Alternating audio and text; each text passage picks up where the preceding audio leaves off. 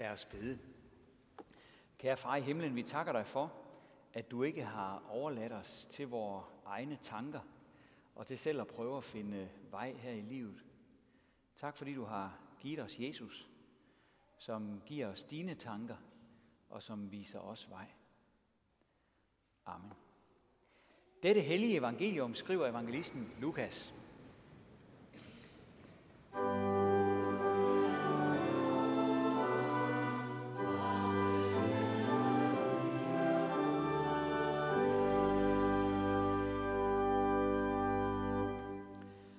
Jesus sagde også til disciplene, der var en rig mand, som havde en godsforvalter. Om ham fik han under hånden at vide, at han øslede hans ejendom bort. Så tilkaldte han forvalteren og spurgte, hvad er det, jeg hører om dig? Aflæg regnskab for din forvaltning, for du kan ikke længere være forvalter. Men forvalteren spurgte sig selv, hvad skal jeg gøre? Nu da min herre tager min stilling fra mig. Grave har jeg ikke kræfter til. Tikke skammer jeg mig ved. Nu ved jeg, hvad jeg vil gøre, for at folk skal tage imod mig i deres huse, når jeg bliver sat fra bestillingen. Han kaldte så sin herres skyldnere til sig en for en og spurgte den første, øh, hvor meget skylder du, min herre? 100 ankre olie, svarede han. Forvalteren sagde, her er dit gældsbevis. Øh, sæt dig straks ned og skriv 50. Derefter spurgte han en anden, øh, og du, hvor meget skylder du? 100 tønder hvede, svarede han. Til ham sagde forvalteren, her er dit gældsbevis, skriv 80. Og Herren roste den uærlige forvalter, fordi han havde handlet klogt. For denne verdens børn handler langt klogere over for deres egne, end lysets børn gør. Jeg siger jer, skaf jer venner ved hjælp af den uærlige mammon, for at de, når den slipper op, kan tage imod jer i de evige boliger. Amen.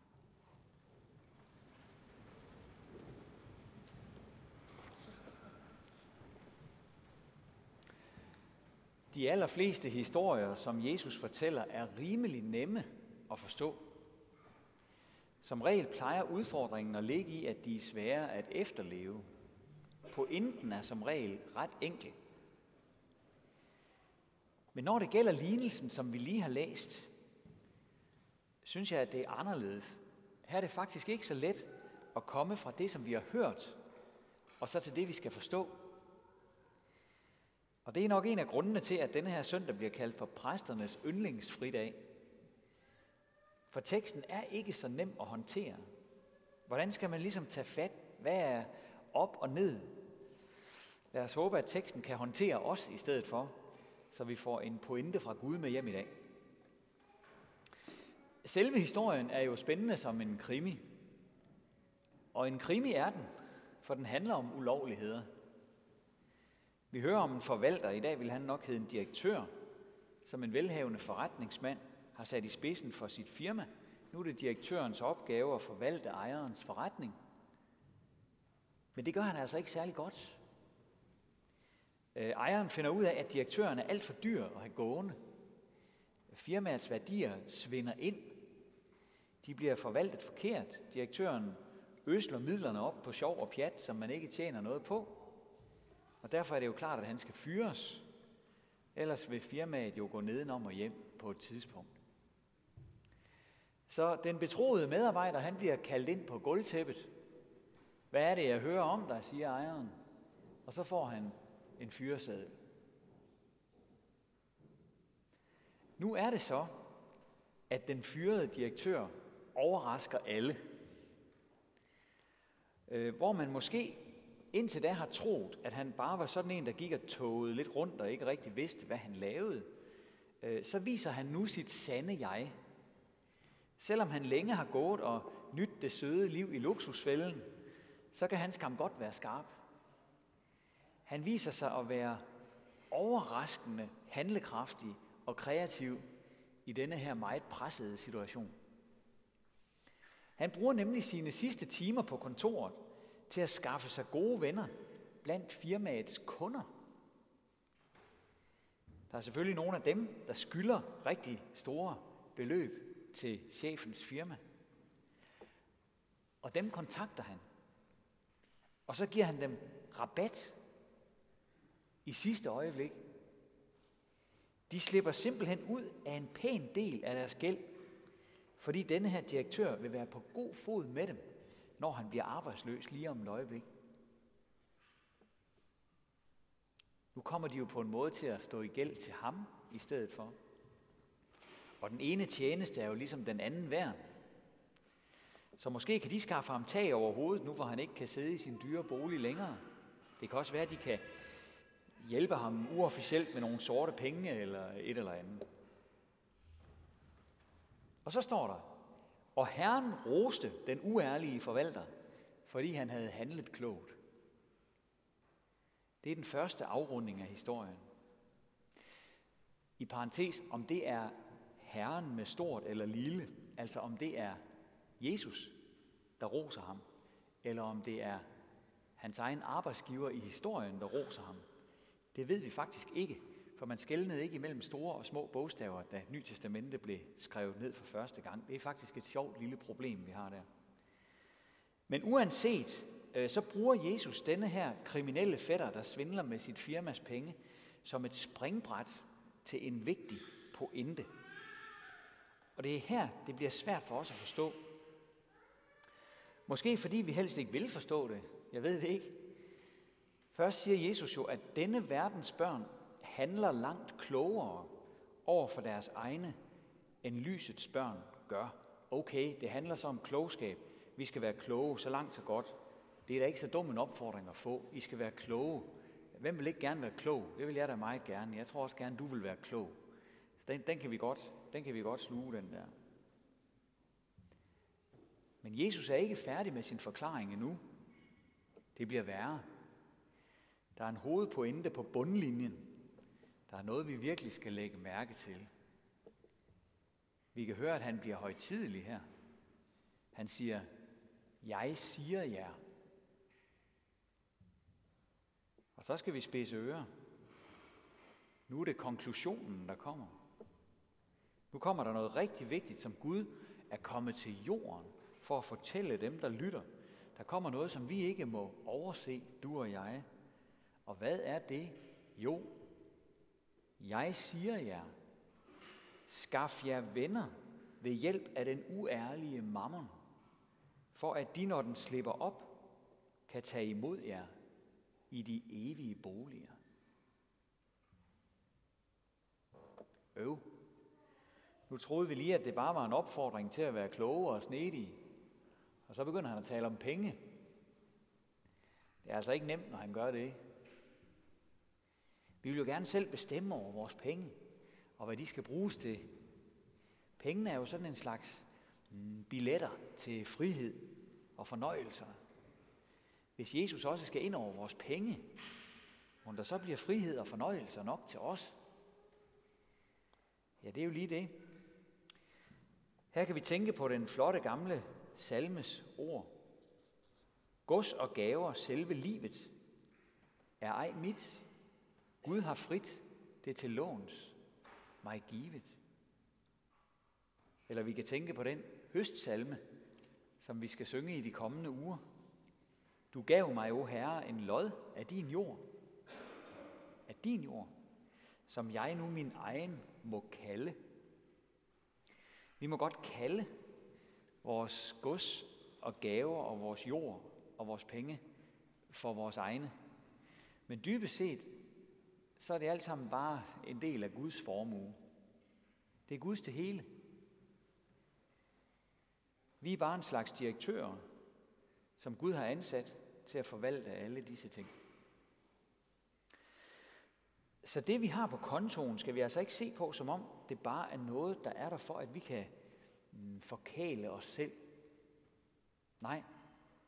Skaf jer venner ved hjælp af den uærlige mammon, for at de, når den slipper op, kan tage imod jer. Ikke i en øh, lusket lejlighed, som vi får, fordi vi har forbindelser, men i de evige boliger, altså i himlen, i det evige liv, på den nye jord. Så når Jesus har omtalt klogskab og så videre, som vi har rimelig nemt ved at tage imod en formaning om, så ender vi til sidst ude i enden af rusen, hvor det handler om, hvordan vi ser på vores penge. Han vil lære os at tage vores penge mindre alvorligt. Og så vil han lære os at tage Guds mission her i verden mere alvorligt. På den måde skal vi ligne forbryderen i historien, at det er en andens midler, som vi bruger af, og at vi gør det for, at nogen kan tage imod os. Gud ligner til gengæld ikke ejeren i historien ret meget, bortset fra, at vi en dag skal stå til regnskab for vores forvaltning over for Gud, ligesom direktøren skulle stå til regnskab over for ejeren.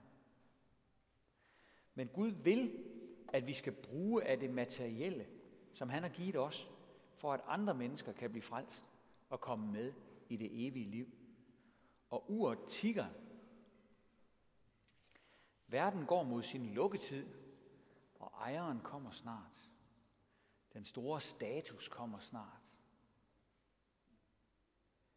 Hvordan kan vi bruge vores penge ind til dag, så de bliver en brik i Guds store mission her i verden?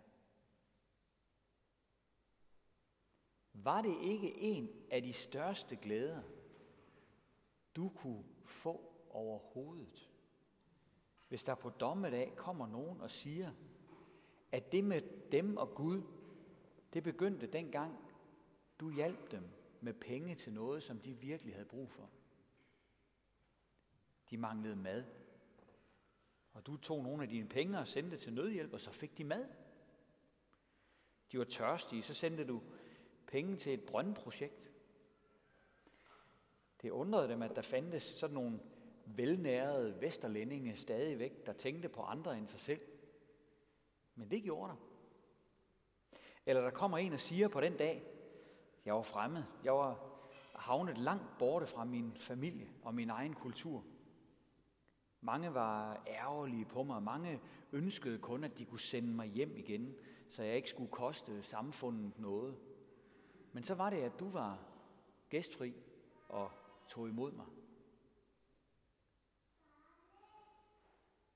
Eller der kunne komme en og sige, jeg havde ikke tøj på kroppen, og det var uhyggeligt koldt i den flygtningelejr. Men så kom der besked om, at du og nogle andre havde skillingen sammen til en sending tøj. Det var begyndelsen til, at, at vi to vi nu kan følges ind i det evige liv med Jesus i dag, hvor han lukker porten op. Eller jeg var syg, jeg var på spanden, jeg var arbejdsløs. Fortsæt selv øh, rækken af, af gode eksempler, som man, kunne, som man kunne drømme om at opleve på dommens dag.